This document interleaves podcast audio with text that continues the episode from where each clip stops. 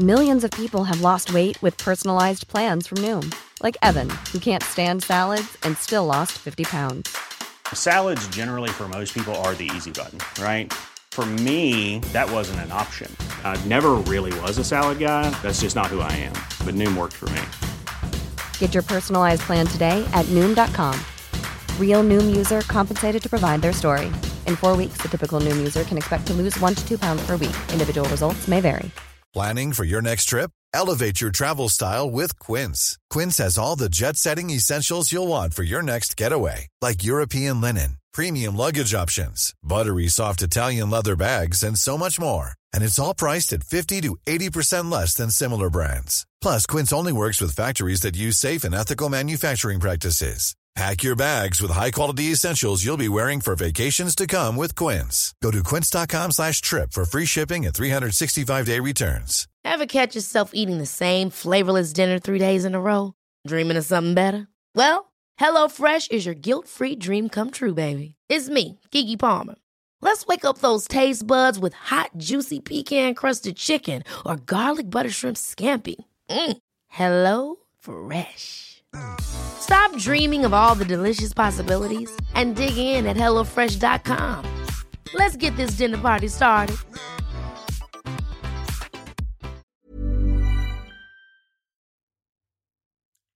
Europas bästa arbetsplats flera år i rad. Hur gör man?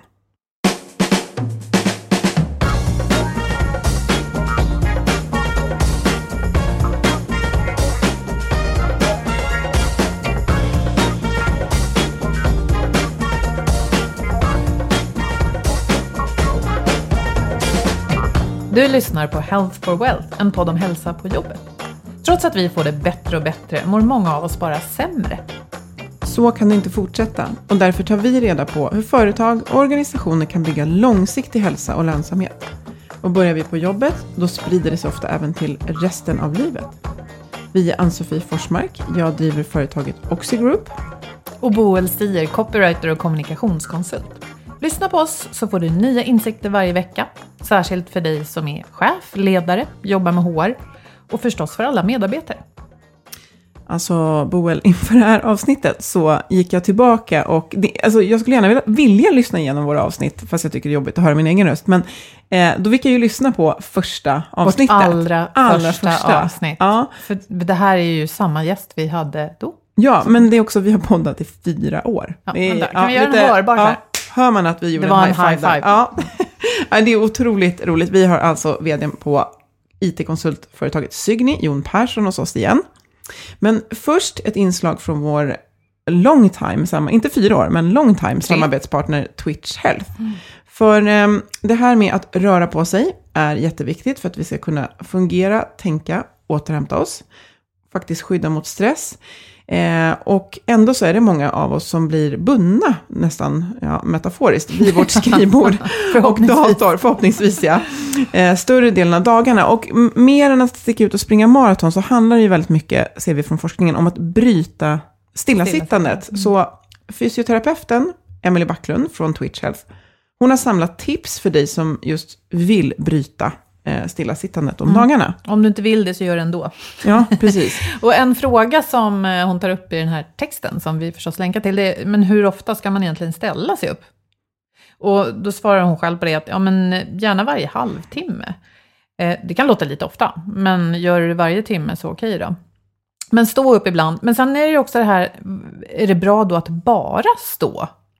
Nej, men det är det ju inte riktigt heller. Nej, För att det är ju variationen som är nyckeln här. Mm. Och ja, alla sitter ju inte vid ett skrivbord heller.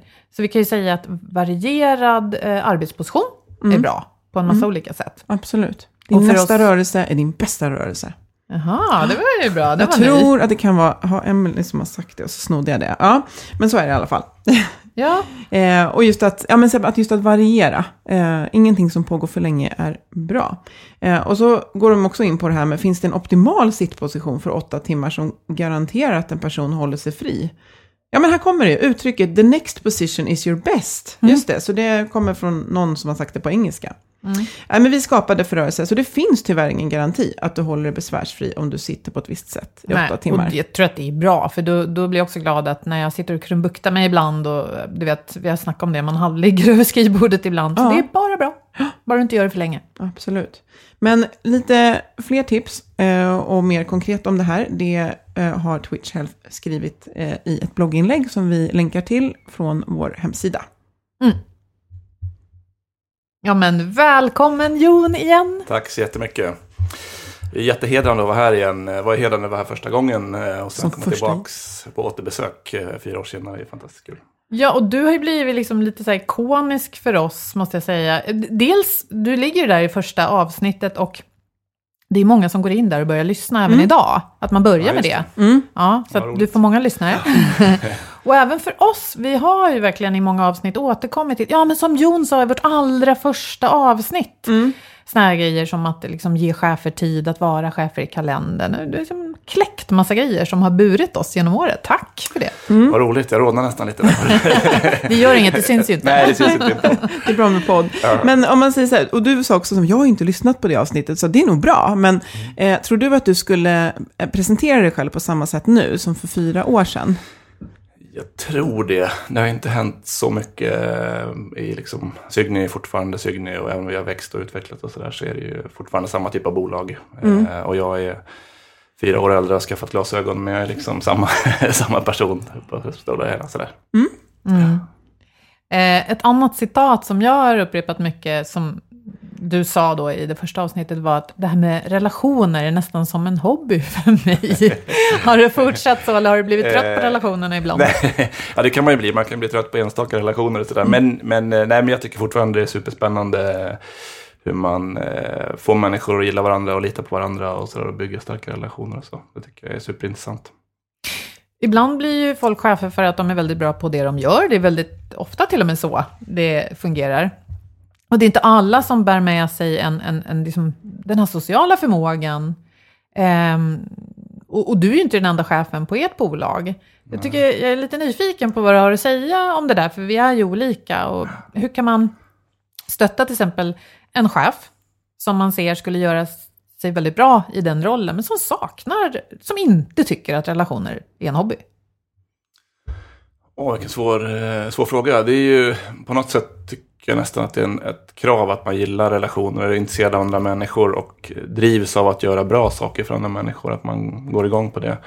Sen så tror ju vi på mångfald, våra chefer är väldigt olika sinsemellan och kommer från olika bakgrunder och mm, olika åldrar och olika kön och allt möjligt. Men de måste på något sätt gilla andra människor och gilla relationer. Sådär. Eh, annars blir det svårt tror jag att vara, vara chef. Alla våra chefer brukar prata om att de är servicefunktioner. Sa jag det för fyra år sedan eller? Ja.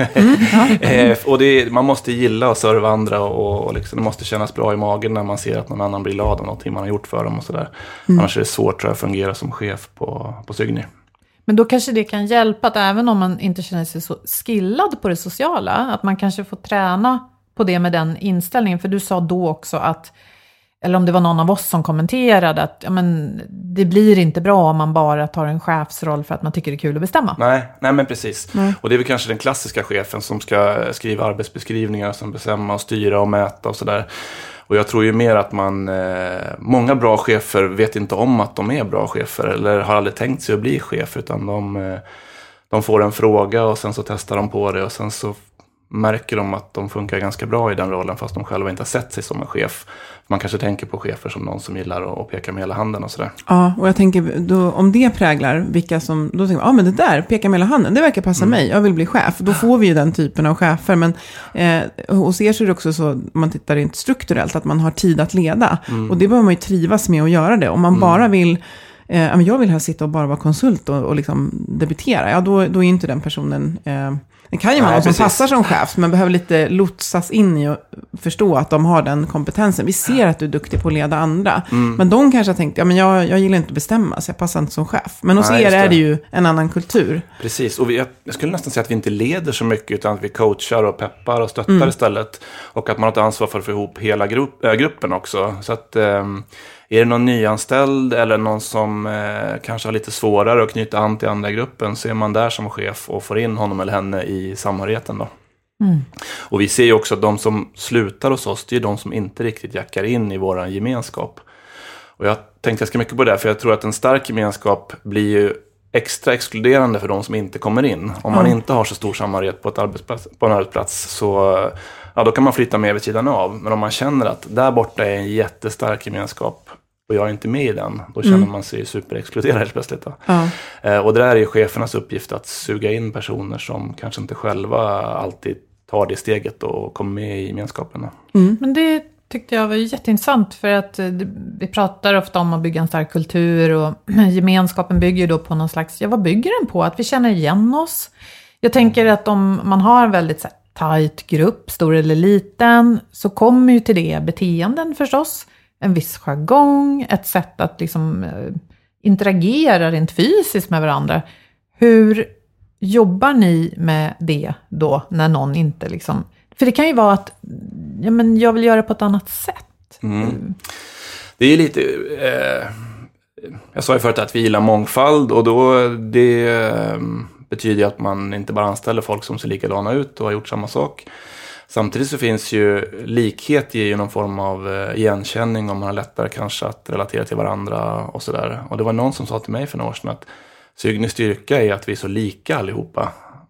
Och Vad tänkte du då? Jag tänkte, ah, bara, nej, det är vi inte. Vi pratar ju mångfald jättemycket. Men det kanske finns någon gemensamt karaktärsdrag där som vi utan att ha formulerat eller beskrivit det ändå letar efter när vi rekryterar och någonting som man också formas in i när man väl börjar på stygning. För jag tror att ehm, alla vi människor som kommer till ett nytt eh, sammanhang, en ny arbetsplats eller en ny skolklass eller ett nytt fotbollslag eller vad det är. Vi tittar hur andra beter, oss, eller beter sig och sen så tar vi efter, både medvetet och omedvetet.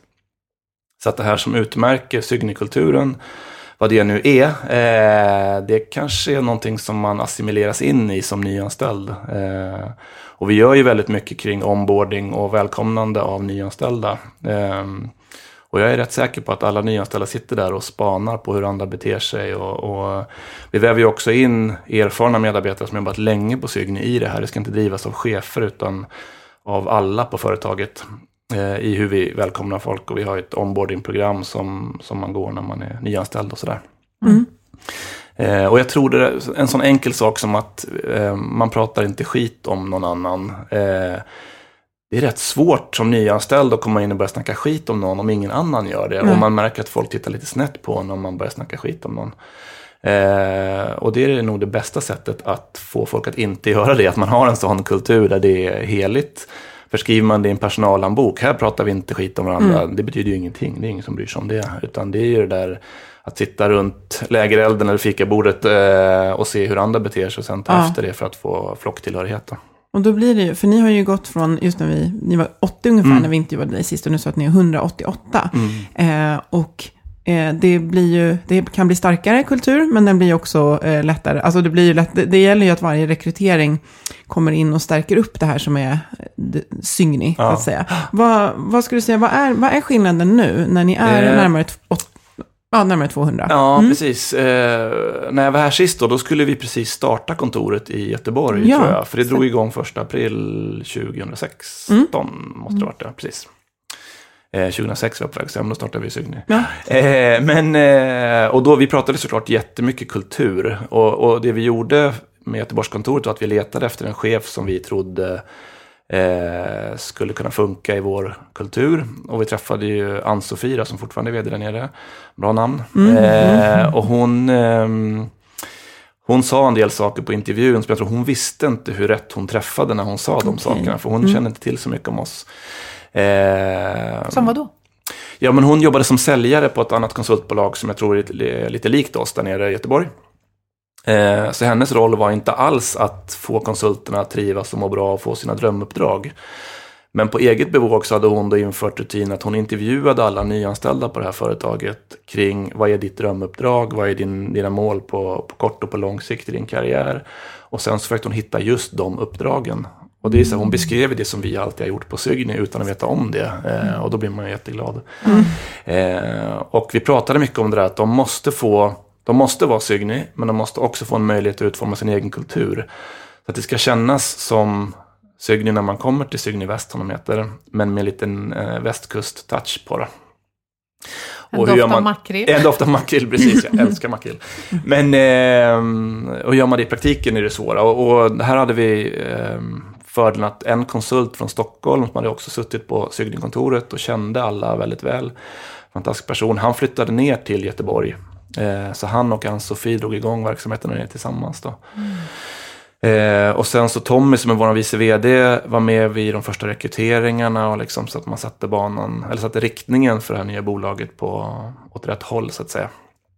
Ehm, och sen har vi försökt göra så på alla nya kontor. Idag har vi sex kontor i Sverige och startade även i, i Amsterdam i våras. Då. Eh, att man förmedlar lagom mycket- kultur till det nya eh, kontoret så att de inte känner sig kvävda av att vi måste göra så här men att de ändå känner att det här är Sygny och det ska vi fortsätta att att vara. Då. Man vill ju inte om vi åker på en gemensam konferens hela koncernen att det känns som åh nu kommer Luleå kontoret, åh nu kommer Malmö, åh vad jobbar de med? Utan det ska Ja. åh vad kul, nu kommer ju Malmö och Luleå, vad roligt liksom. Eh, och det där, man, vi gör ju mycket koncerngemensamt just för att hålla ihop den där eh, eh, kulturen. Då. Men Vad är det? Ja, förlåt. Ja, men jag tänkte, man gör så här koncern, för det tror jag många känner, ja men det känner man igen. Vad, vad är det viktigt att man gör då när man träffas? Eh, så, hur, vad är viktigt? Men att vi på något sätt är som vi eh, alltid har varit från början. Att det mm, jag är den som, som jag alltid har varit. Jag är inte ja, jag är koncernchef. eh, Utan att jag bara är som jag eh, alltid har varit. Och att man ser att eh, ehm, Ja, men, men det här, den här kulturen är inte bara någonting som är påhittigt, utan hela mm, ledningen och alla medarbetare som är länge, de, de är så här. Det är inte bara någonting som står på hemsidan. Och hur det är så här? Ja, men det där är så svårt att formulera. Vi, vi har ju, jag är ju allergisk mot, mot sådana här värdeord och eh, kulturer. Och, sådär. Ehm, och eh, har ibland nästan blivit irriterad på sånt. Och, och det är dumt för att man ska ha respekt för de som tycker att det är värdefullt. Men jag, jag tror inte på att det är bra för oss eller har något värde. Men ehm, Jag, jag blir glad när du säger det, och bara för att flika in det. Och jag tycker också, all respekt åt den som hittar någonting i det, men jag tror att det finns andra sätt. Men nu är jag då nyfiken på ditt sätt. För jag tänker att en kultur är ju i någon form alltid organisk, annars är det inte en kul- kultur.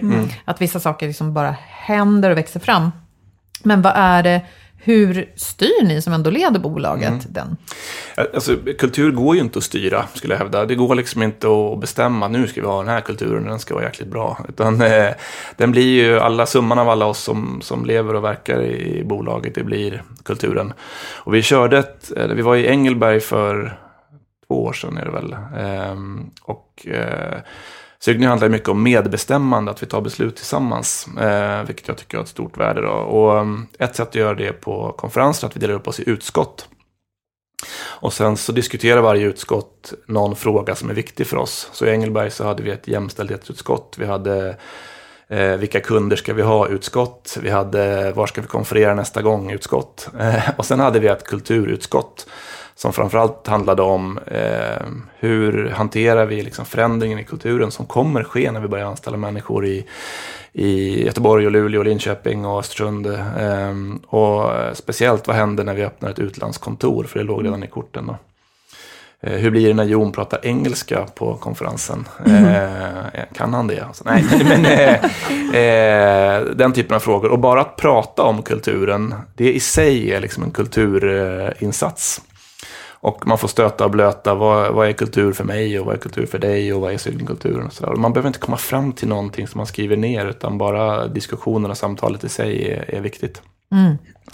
Eh, men jag, jag tror också att vi, vi gör massa saker. Eh, I vårt onboardingprogram så spelar vi ett, ett dilemmaspel. Eh, som är som ett brädspel, men man hoppar runt och så hamnar man i olika konsultdilemman. Eh, och det kan vara, eh, du sitter på en kund och eh, en konkurrent börjar prata skit om projektledaren. Vad gör du?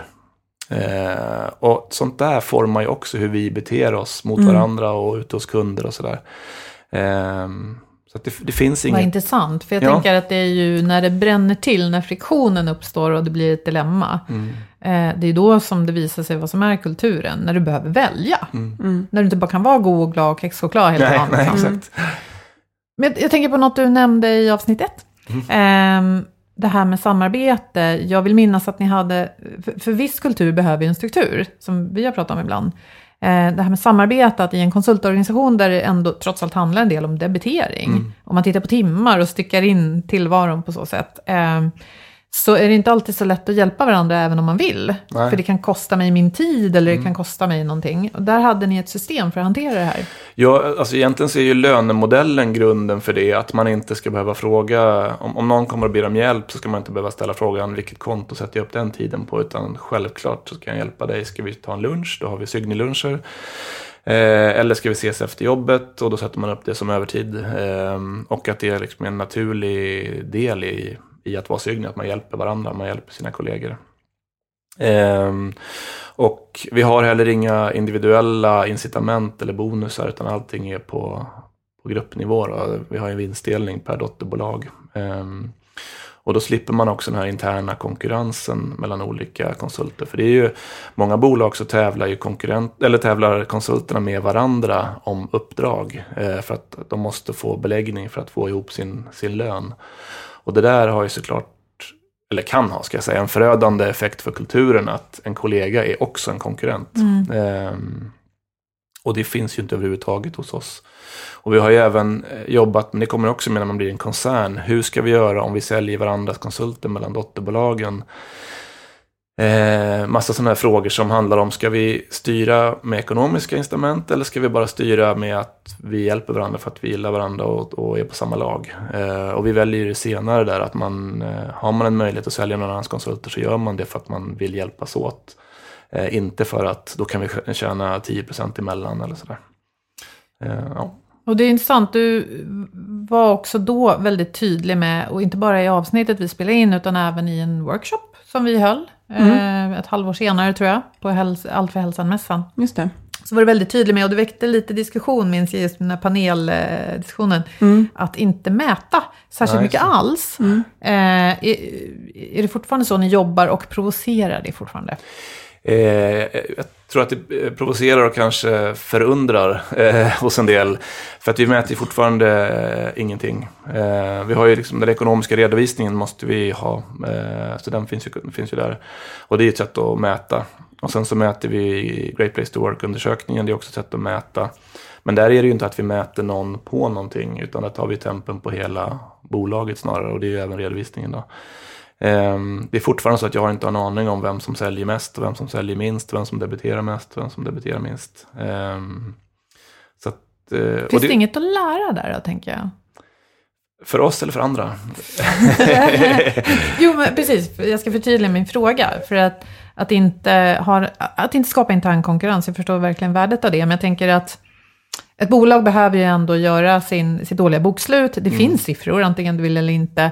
Och om någon säljer mer, förutsatt att det säljs bra saker som gör kunderna glada långsiktigt, så kanske det borde finnas något där som ni... Vad är det den personen gör, liksom, som Ja. gör att den är så, ja, eftersom ni ändå är vinst, liksom, ja, vinstgivande Ja, nej, men jag, Mm. vi, vi har ju, det, det är klart att vi har vissa förutsättningar som gör det här enklare för oss. Det kanske inte funkar i alla verksamheter att inte mäta. Men eh, vår affär är ju superenkel. Vi, vi säljer ju eh, eh, de bästa tjejerna och killarna på timme.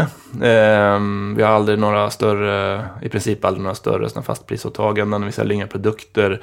Vi har inga komplicerade upplägg, utan det är, även våra allra största projekt så är det, det kommer en faktura till kunden på att Lisa har jobbat 150 timmar och Pelle 140 och sådär.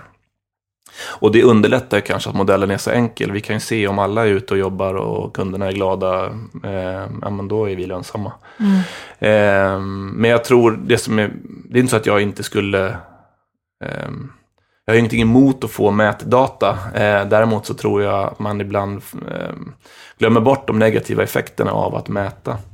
Eh, och att folk som blir mätta kommer titta på det istället för att fokusera på att göra ett bra jobb för att man vill det. Eller, ehm, och det, man föder massa beteenden kring suboptimering och eh, även interna schismer eller konflikter. Att om man mäter alla konsultgrupper i Stockholm, det är sju stycken nu, då kommer de som går sämst tycka att "Ja, men vi har inte tid att hjälpa någon annan för att vi har fullt upp med att bara få näsan över vattenytan.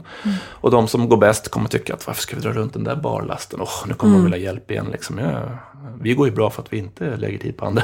Nej, vi överdriver. Men, men eh, jag, jag tror att man, man föder massa beteenden som, eh, som inte är meningen med att mäta men som man får på köpet och som kan vara väldigt skadliga. Jag håller verkligen med där, för jag tänker att det är där många eh, kan, kan gå fel, det är att man, man, man säger, men det här, det här är ju jättebra, så här, om, vi, om vi följer upp det här, då ser vi det här. Men vad är den långsiktiga effekten? Vilka beteenden matar det? För det du beskriver nu, det är ju att eh, men helheten blir ju större än delarna. Eh, och då fokuserar vi på helheten. Om vi fokuserar på att hålla på att följa upp delarna, då hämmar vi att helheten blir större. Nu, nu främjar ju ni att hjälpa, att ha en, ox, eh, förlåt, en sygnig lunch, att liksom hjälpas åt. Så att det är jätte, jättespännande, men det är verkligen inte så som alla gör. Nej. Nej. Men man, det finns ju även andra positiva effekter tycker jag av det. Ehm, och om vi pratar i ett kontext av psykisk ohälsa eller välmående och sådär. Det finns ingen människa som, tror jag, som har gått ut eh, sin, eller tagit examen och sen jobbat till pension och bara toklevererat varenda dag genom sin karriär. Man har jobbiga perioder, det kan vara jobbigt hemma eller att man själv bara inte mår bra.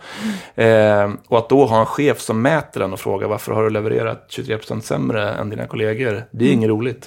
Och sen lägger till frågan, du kan ju alltid prata med mig, det vet du väl? Mm, ja, min dörr är alltid öppen och det är högt i tak och så vidare. Mm, men nu ska jag gå vidare. Nej, nej, men, eh, och jag tror att det där är, ska man inte förringa heller, värdet av att låta någon ha sämre perioder. Och tittar man, jag är ju väldigt sportintresserad, tittar man på på fotbollsspelare, tjejer och killar som, som tappar självförtroendet. Om man då är på dem och liksom, ah, nu, nu får du inte spela mer. De kommer inte komma tillbaka lika snabbt som om man fortsätter att ge dem förtroende i matchen efter och matchen efter och Mm. har lite tålamod. Ehm, och det funkar likadant på, på jobbet skulle jag säga. Jag tänker också på att, eh, ehm, ja, men också med reflektioner om det har varit tufft i livet, eh, att vad, vad, det kanske, kanske till och med på ställen som Sygny kan kännas skönt att få gå till jobbet och få vara i den här kulturen och klimatet när det är tufft. Och när jag inte tänker, ja, men nu känner inte jag mig toppen och det kommer synas på hur jag presterar, utan jag vet att jag kan gå dit och, ja. Men jag tänker de här, ja, nej, fortsätt. Nej, men Mm. och det där har jag ju faktiskt fått höra flera gånger att, att eh, medarbetare hos oss kommer till Sygny och får energi av att vara på jobbet Mm. som de behöver för, eh, för att det är jobbigt hemma och sådär. Det där är verkligen någonting att vårda, tänker jag, i de tiderna vi är i nu. När det är, ja. Ehm, men, ja. Jag, jag tänkte på en sak. Vi sa det här Europas bästa arbetsplats flera år i rad. Sa vi i inledningen, så har vi inte riktigt berättat vad det är. För ni, som jag förstår det, så har ni låtit verksamheten drivas i viss utsträckning av att ni började och sen har fortsatt att vara med i den här, kallar det för en tävling om bästa Ja, de arbetsplats. gillar inte det, men vi brukar Nej. kalla det för tävling. Vi, Eftersom ni vinner vi ofta, vinner, då är det ja, kul precis. att det är tävling. Och den heter Great Place, to Work. Ja. Och det baseras på vad medarbetarna själva anser. Ja, de, de röstar fram. Och egentligen, vi visste ju inte vad det var när vi startade Sygny en gång i tiden. Eh, men sen så var det en av våra kunder som var med där. Eh, och välkomnade alla som kom till deras kontor med en stor sköld där det stod Welcome to a great place to work. Och det där kände vi, det där är ju Sygny-eskt. Det där skulle vi göra. och då började vi undersöka lite vad som finns för sådana här undersökningar. Och Universum är ju stora i Sverige på det. Och eh, Great Place to Work är störst eh, globalt sett. Då. Och de, eh, Great Place to Work är också forskningsbaserat. Ehm, och ehm, vi gillade att det är en medarbetarundersökning, att det inte är någon extern HR-guru som kommer in och bedömer om vi är en bra arbetsplats. Så vi var med där första gången 2013 och sen så vann vi 2014 både Sveriges och Europas bästa arbetsplats. Och sen har det liksom trillat på av bara farten, så vi har ju vunnit varje år i, i Sverige, sex år i rad. Wow. Och Europa har vi vunnit alla år utom 2016, där vi kom trea. Fantastiskt. Ja. Ja. ja, men då vet ni varför vi satte den här rubriken på det här avsnittet. Och jag läste en artikel eh, om dig eller av dig på motivation.se faktiskt, som vi samarbetar med. Den, jag har några år på nacken, men jag får liksom intrycket av att det här har det, det, det här får ta stor vikt och då tänker jag att då är det ju medarbetarna, du sa medarbetarstyrd, nej inte styrd men medarbetardriven någonting Eh, tidigare. ja, det kanske är så. här. Ja. Medbestämmande. Ja, men, precis. Jag, jag, jag tror på, på att vi tar beslut tillsammans Mm. väldigt mycket och konsensus. Eh. När ni gjorde den här eh, tävlingen, undersökningen första gången, fanns det någon rädsla då? För jag menar, om man öppnar sig för den, Mm. och sen får ju medarbetarna säga vad de tycker. Ni som leder kan ju aldrig känna till resultatet i förväg. Var det Nej. läskigt på något sätt? Eh, ja, det var det. Nej, men det var... Eh, vi, tänkte sådär, nu har vi varit med, eller nu har vi drivit bolaget i 6-7 år med ambitionen att vara den bästa arbetsplatsen. Det är konstigt om det inte det här eh, går hyfsat i alla fall. Eh, och vi tittade ju innan på eh, personalomsättning och, och vi har ju, det är inte så att vi bara fångar upp vad folk tycker en gång per år, utan vi har ju en ganska livlig diskussion hela tiden om hur sugning funkar och vad man kan göra bättre och sådär. Men vi kom ju femma första året då. Eh, och det var ju på ett sätt stolthet men också lite besvikelse. Ska det finnas fyra bolag som gör det här bättre än vad vi? Det I er storleksklass då? Precis, Mm. då var vi i småbolagsklassen och sen dess har vi varit med i mellanbolagsklassen som är upp till 250 anställda i Sverige. Eh, men det har gett oss en hel del. Sen kan jag väl känna att nu har vi varit med så många år, vi är med i år igen. Så att eh, det är ju 21 april i år så tillkännages Sveriges bästa arbetsplatser 2020. Men vi börjar väl känna också att vi kanske har nått vägs ände med den här undersökningen. Eh, det finns, upplever jag, en, en, eh, en trötthet internt att fylla i. Eh, vi ligger ju på nästan 100 av 100 på alla frågor. Så många medarbetare har sagt till mig, men nu har jag fyllt i det här liksom sju gånger. Sygni är superbra, men jag orkar inte fylla i det en gång till. Jag bara säger det till dig så här, ja. Det är bra. Ja, jo, men, jo, men vi har ju en väldigt öppen, det, det finns liksom ingen, ehm, eh, jag tror ingen som har jobbat ett tag i alla fall känner någon oro för att framföra kritik till mig eller, eller åsikter eller sådär. Ehm, tror jag inte i alla fall, jag hoppas inte Nej. att det är så. Eh, ja. Men, eh, nej men precis. Och, och jag tänker den är ju, den är ju viktig eh, för att attrahera och rekrytera så kan den ju vara fantastisk att fortsätta med. Även om man internt känner att, men det kan ju finnas andra sätt att, att få till det Ja, istället. och jag, jag, vi upplever, det var ju, vi var ju med från början. Anledningen var ju egentligen att få PR och marknadsföring. Eh, och det andra var att förbättra bolaget internt. Och nu, eh, det kommer ju, jag lusläser ju fritextkommentarerna som är i slutet på den här undersökningen. Eh, och det kommer färre och färre briljanta idéer den vägen. Det kommer kanske i andra kanaler istället. då. Eh, och journalister har sagt till mig, vi orkar inte skriva om att ni har vunnit det här. Ni vinner ju varje år. Det, det ja. finns inget nyhetsvärde i att ni dumt. vinner. Ja. Det Eh, försvinner lite PR-värde. Ja, och då kanske man tar en paus då, eller Ja. ehm, gör något sånt istället. Men jag tänker om man, om man, om man kommer in på um, de här fyra åren, så vi- det man lär sig av, det är, fr- framgångar är fantastiska, då lär ni er att ni gör mycket rätt. Men det måste också ha eh, skett några, alltså nu leder du väldigt många, det måste ha skett några dikeskörningar. Kan du bjussa på någon så här, det eller någon så här Eh, insikt? Ja, nej, men jag, vi har inte gjort någon riktig, som jag ser i alla fall, dikeskörning. Att vi har, Skönt eh. Mm. Ja, jag vet att jag, jag sa när vi började starta massa dotterbolag, eh, för det var ju ändå så, Göteborg var en testballong. Och vi sa att om det går dåligt, då får vi dra oss tillbaka och slicka såren och fundera på vad vi ska göra. Vi kan inte bara testa en gång till i Göteborg eller testa Malmö och, och så går det dåligt där också. Sådär. Eh, men då gick det jättebra i Göteborg eh, och då började vi skjuta ganska brett och hugga möjligheter som, som kom framför oss. Och jag vet att jag sa tidigt att har man sex eller sju dotterbolag då kommer det vara så att fyra går superbra, två går medel och ett kanske har det kämpigt över tid. Sådär. Eh, och så, så kanske det alltid kommer vara nu för oss att dotterbolagen eh, är i olika faser och de har eh, upp och nedgångar och sådär. Men ingen riktig dikeskörning. Vi har aldrig behövt lägga ner något kontor eller eh, säga upp folk eller eh, sådär. Så att ingen sån. Men, men ehm, eh, jag, fick faktiskt en, en jag vet inte om det var en insikt, men otroligt, för mig var det verkligen en eye-opener bara för några veckor sedan. Då lyssnade jag på en etnolog som heter Kalle Ström. Jag vet inte om ni känner till honom.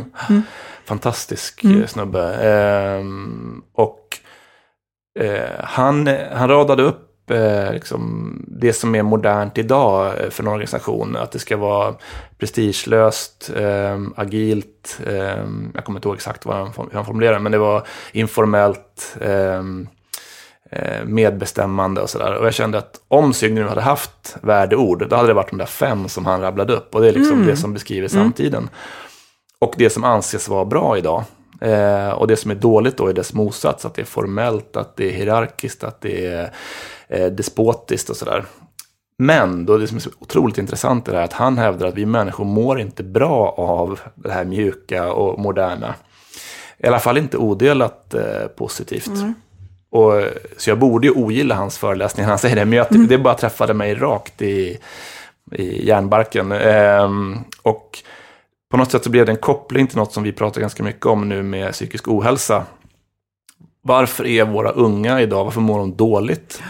Eh, och det finns ju en förklaringsmodell i den forskning som Kalle Ström bedriver själv och hänvisar till. Då, eh, att vi har skapat, vi tror att vi blir lyckliga av frihet och frihet kräver valfrihet. Men valfriheten har så otroligt mycket nackdelar också. Eh, och, Jag tänker väldigt mycket på saker som vi kanske missade att välja eller valde bort Ja, hur ja, men, ja, men det finns hela processen. Det är så är- dramatiskt att välja när jag vet att du kan välja precis vad du vill. Det blir så laddat beslut. Så. Men det, dels är det det som de kallar för Netflix syndrom, att du sitter lika länge och väljer film som du sen tittar på filmen.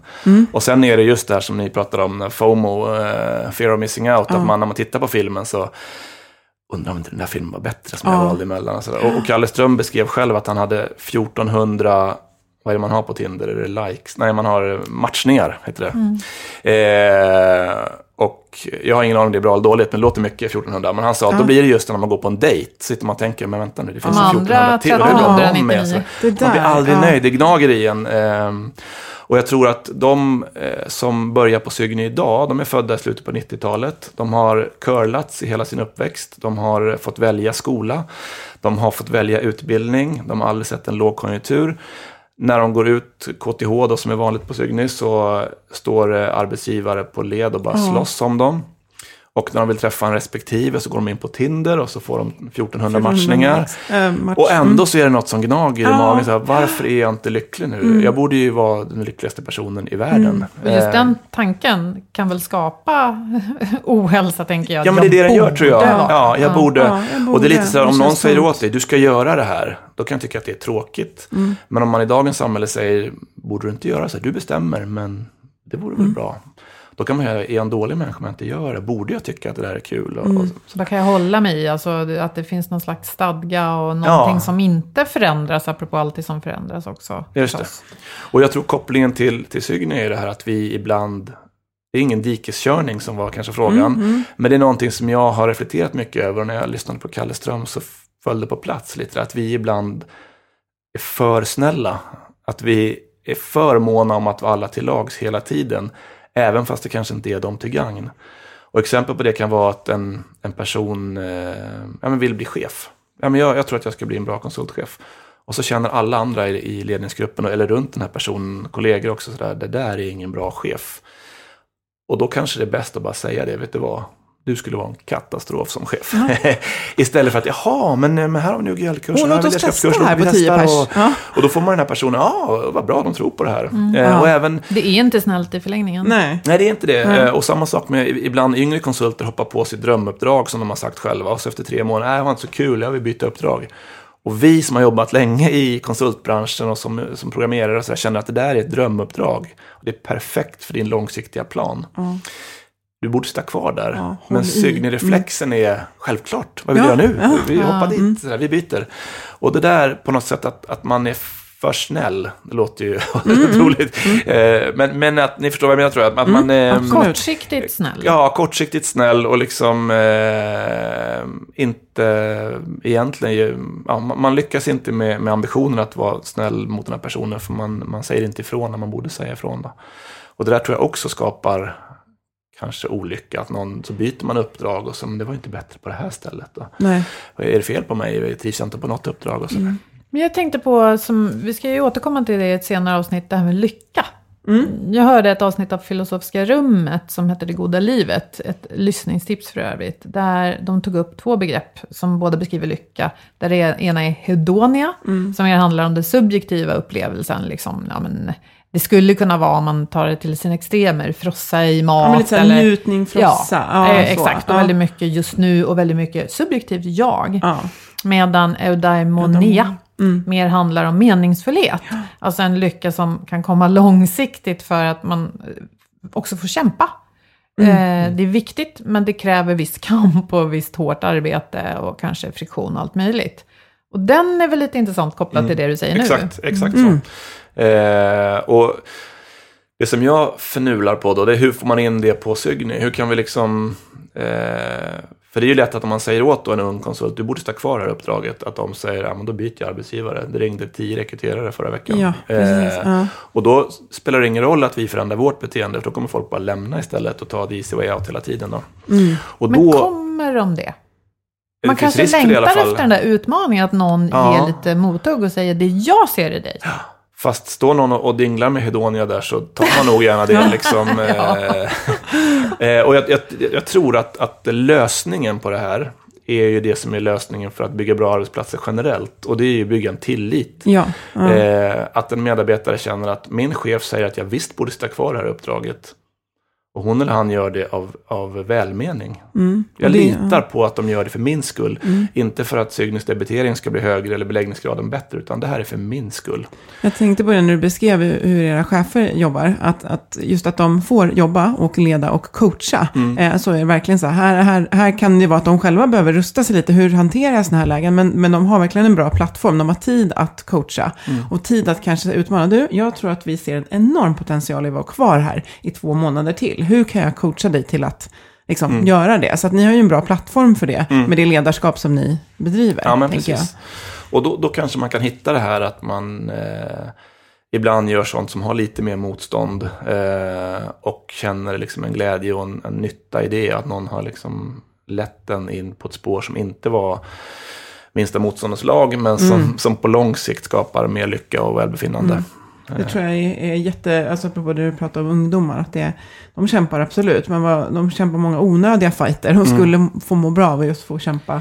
Just jag tänker ung och gammal, vi är ju nya och gamla i olika situationer oavsett vår ålder också. Och jag tänker att coachande ledarskap som är väldigt så här, inne nu, det handlar ju om man renodlar att ställa frågor, att liksom, du har alltid svaret själv, jag ska bara liksom, hjälpa dig att hitta frågorna som hjälper dig att hitta svaret. Men det finns ju också någonting fint i att vi kan ha en relation där, ja, men, att jag kanske får vara senior i något avseende och faktiskt kan guida dig i det, utan att du alltid sitter inne med svaret själv. Mm. Kan vi sakna det tycker du ibland? Ja, eh, och jag tror att människor vill ibland bli ledda eller eh, rådgivna. Eller säger man så? Rådgivna? Ja, det är ju det som alla konsulter Ja. eh, pysslar med faktiskt. Att jag, kan något och därför kan jag ge råd. Mm. Och det är också när någon bestämmer över någon så kommer den som blir bestämd över slippa hela det här Netflix-syndromet. Och, Så även om man känner, åh, nu bestämmer de över mig igen, så, men då jag tuggar bara på. Eh, och det är lite, det, dagens unga, eh, det är det som just Kalle Ström forskar på. Vad händer när de ska göra lumpen? Och de kan inte ens förstå konceptet plikt, många av dem. För det finns inte i deras sinnebild, vad liksom är sinnevärld. Vad är plikt? Vadå plikt? Jag vill inte göra lumpen. Och det är ju tydligen så att 30% av de som ska mönstra dyker ju inte upp på mönstringen. Och det är ju så här, det är ju åklagare, pang, prickregistret och sådär. Men de, nej men jag skulle på sats eller nej, jag sov istället. Eller jag... Men att plikt är ett belastat ord, jag tänker då har vi pratat för lite om, om hur samhället funkar och hur liksom, vi funkar tillsammans. Kanske i skola och i hem och så. Ja. Och jag gillar ju det där när man också, om man istället, det behöver inte vara att någon bestämmer, men att det kan vara att en, en chef förklarar att det här är viktigt för Sygni som lag eller som, som organisation. Eh, och det, blir så otroligt glad. Vi har en, en fantastisk konsult som heter Emil Bergström hos oss som eh, sa just de orden en gång. Han fick en fråga från sin chef, kan du tänka dig att göra det här? Eh, och det handlade om att hjälpa en annan konsult hos oss. Och då sa han, ja vi är ju ett lag. Eh, Och det där, jag tror att det är bra för Sygni. Men också välbefinnandet hos Emil som känner så Ja, är ju enormt. så. Att jag är en del av ett lag, jag är viktig för det här laget. Jag är liksom en, Mm. en nyckelspelare i det här fallet. Och, sådär. Ehm, Och det är ju en nyckel till välbefinnandet är lycka, svårt. visar ju Ja. forskningen. Ja. Att, eh, och till att liksom få tillgång till vår fulla hjärnkapacitet. Ja. Att vi kan hjälpa andra. Verkligen, det är många som, som saknar och kan må, alltså den känslan är bra, oavsett om det handlar om, vi poddade tidigare idag om alltså coronaviruset, men ett sätt att hantera oro och känna att vi går ihop och försöker hantera tillsammans som arbetsplats eller vad det kan vara. Just det. Jag kommer inte ihåg hur vi avslutade förra gången. Då bad vi säkert om tips till andra chefer. Nu tittar jag på er två. Tror, pratade vi om det? Ja, det Säkert. är nog möjligt. Tror du att dina råd i nu skulle förändras kontra... Elakt att ställa Ja, här. ja, ja. Nej, men jag tror att det är nog samma. Eh, jag kommer faktiskt inte ihåg vad jag sa då. Eh, men det borde ju vara ungefär samma. Eh, och jag, jag, det här med att vara en bra arbetsplats och ha det som ambition är ju en no-brainer. Det kanske jag sa då också. Men att man, eh, om man gillar att jobba med sånt så ska man göra det. Men även om man inte gör det så är det bra ekonomiskt för företaget. Så att Mm. Det är lite av en gåta att inte alla företag har det högre på, på agendan då kan jag tycka. Ja, man måste ju prata om vad det innebär, för det kommer ju vara unikt beroende Mm, på fast det arbetsplats. finns ju Ja. forskning sedan 30 år tillbaka. Ja, ja hur man absolut. gör, så att, på, eh, ja. absolut. På, på framgångsfaktorer. Men hur de... Hur man, det här är också så att det kommer en del rapporter på nya tider. Ja, men vi, vi behöver mer forskning på friskfaktorer för vad som främjar arbetsplatsen. Och många är så här, ja, vi har jättemycket som visar på vad som är bra och vi har också ganska mycket em- empiri på det och, och de flesta medarbetare kan också uttrycka det. De kan få hjälp med begrepp. Men de allra flesta kan beskriva vad man vill ha på plats. Och som du säger, det är både bra om man bryr sig om det, men det är också bra om man bryr sig om sista raden, så hänger Just det ihop, och det ser vi också. Ja, Mm. ja exakt. Ehm, nej, men annars så, vi, det, det har ju varit mycket prat om psykisk ohälsa senaste, ja, egentligen den fyraårsperioden Mm. sedan jag var här sist. Då. Och där är väl eh, tips om man har något sånt, är ju liksom att, att bryta stigmat och prata om det. För jag tror att det, det skulle vara lättare för någon idag att säga jag har corona än att jag mår dåligt psykiskt. Mm. Eh, det är fortfarande en sån stigma i vårt samhälle. Eh, och där, eh, om någon chef mår dåligt, berätta om det. Liksom, eh, få fram att det inte är farligt och dåligt eh, och det händer alla och sådär. Mm. Det kan vara ett tips. Mm. Och jag säger inte att vi är världsmästare på det, men jag, jag tror att det är någonting som måste upp i eh, upp, upp i ljuset. eh, För att det finns överallt och det är fortfarande väldigt stigmatiserat. Absolut, just det här att det inte, det drabbar alla någon gång, sen Mm. drabbar det oss på olika sätt och olika djupt, men det stigmat måste bort, för det, Och som Det chef tänker jag, det kom ju någon undersökning nyligen som visar att just chefer är extra utsatta. Kanske inte så konstigt. Mm. Mm. Ofta pressad på, på många olika sätt. Då kan man ju leda som chef genom att vara öppen med det om man vågar, om man orkar. Ja, och det där är någonting som jag har sett på, på Vill ni avsluta nu förresten? Nej, nej. jag, jag säger en sak till då. Eh, på Sygn har vi sett att cheferna, de bygger ju en stark relation till sina medarbetare som baseras på tillit. Effekten av det är att många medarbetare öppnar upp sitt innersta känsloliv för cheferna. Och det händer ju att tre, fyra, fem personer i en konsultgrupp gör det samtidigt för en chef. Och den chefen kan inte bara åka hem och sådär, ja, nu kollar jag på Netflix. Utan det är ju, det där tar man ju med sig hem. Och det är ju jobbigt för, för cheferna eh, att eh, få det där i knät liksom. Men eh, jag tror ändå att det är, eh, då får ju den chefen öppna sig för någon annan dag och att man pratar om det sådär. Jag, jag tror ändå att på sikt så är det så en arbetsplats måste funka. Att man kan prata med, med någon om, om saker som inte funkar och sådär. Ja, då får man, ju, får man ju ha sitt nätverk då med respekt för integritet och, och etiska aspekter. mm, Eh, utanför Mm. eller på företaget som man kan prata med. mm. Exakt. Mm. Out, outtömligt ämne och Mm. jättekul att vi, vi, vi svävade inte iväg, men mycket som, alltså du är ju en väldigt eh, liksom, reflekterande person och du tar in mycket, man tänker så här, Kalle Ström, han är etnolog, det, det, det, det, kanske inte, det kanske är mer sånt som vd be- behöver ta till sig, det kan vara en nyckel, det kan vara tänka lite utanför sin, sin egen eh, bransch och box, så att säga. Och det är fortfarande så, kan vi repetera, dels som du sa då för fyra år sedan, att en chef behöver tid i sin kalender för att vara chef och kan inte vara belamrad med allt annat.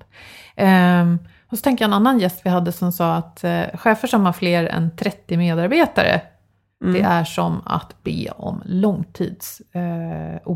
Mm, det, Det var Anders ja, Jonér från Nyckeltalsinstitutet. Han säger att 10 plus 10 blir eh, 19,5 tror jag. Därför att om man har liksom, 20 medarbetare som man leder, då kommer det leda till en, att en är borta i sjukfrånvaro för att man inte har tid. Någonting sånt. Men det är precis, och det ser ut, känns som att det här har ni också eh, koll på. Och så just det här att det är relationerna som behöver vara intressanta mellan människor och så. Och siffrorna kommer när relationerna funkar och vi gör bra grejer. Härligt. Exakt så. Tusen tack för att du kom Tack hit. själva, Vi jätteroligt får se om vi sitter här om fyra år igen och, och vad vi pratar om då. Ja. Eh, och vi har som sagt vår samarbetspartner motivation.se där Jon finns med i en artikel bland annat. Eh, och de har massa artiklar och lite relevant eh, för idag att prata om den perfekta arbetsplatsen. Eh, är det en myt? Nej, men det handlar inte om att den är inledd som en lekstuga utan snarare om att det viktigaste för medarbetarna för att de ska kunna prestera det är att man uppfyller alltså våra grundläggande behov som är lätta att rabbla men svårare att bocka av. Man behöver känna sig kompetent och självständig, men känner gemenskap med andra människor. Och det känner vi igen från samtalet idag. Och vi lägger en länk till det här, den här artikeln som heter Myten om den perfekta arbetsplatsen. Mm. Och även till en eh, äldre men mycket läsvärd eh, artikel som handlar om dig Jon, som heter Bäst vill bli bättre. Ja. och med det så tackar vi Jon och vi tackar vår samarbetspartner Twitch Health, motivation.se och så tackar vi Agda Media för den här produktionen. Hej då, tack för att ni lyssnade. Hej då, tack. tack.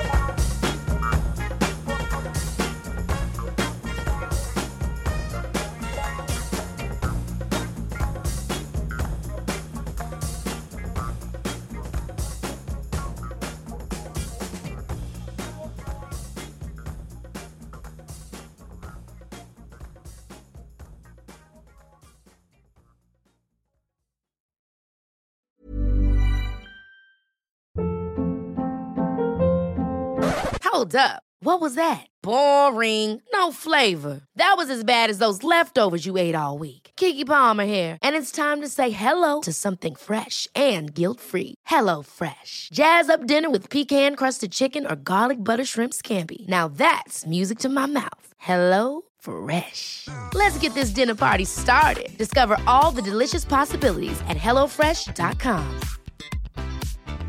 Mom deserves the best, and there's no better place to shop for Mother's Day than Whole Foods Market. They're your destination for unbeatable savings, from premium gifts to show-stopping flowers and irresistible desserts. Start by saving 33% with Prime on all body care and candles. Then get a 15-stem bunch of tulips for just $9.99 each with Prime. Round out Mom's menu with festive rosé, irresistible berry chantilly cake, and more special treats. Come celebrate Mother's Day at Whole Foods Market.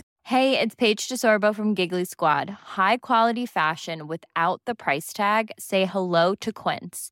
I'm snagging high-end essentials like cozy cashmere sweaters, sleek leather jackets, fine jewelry, and so much more. With Quince being 50 to 80% less than similar brands.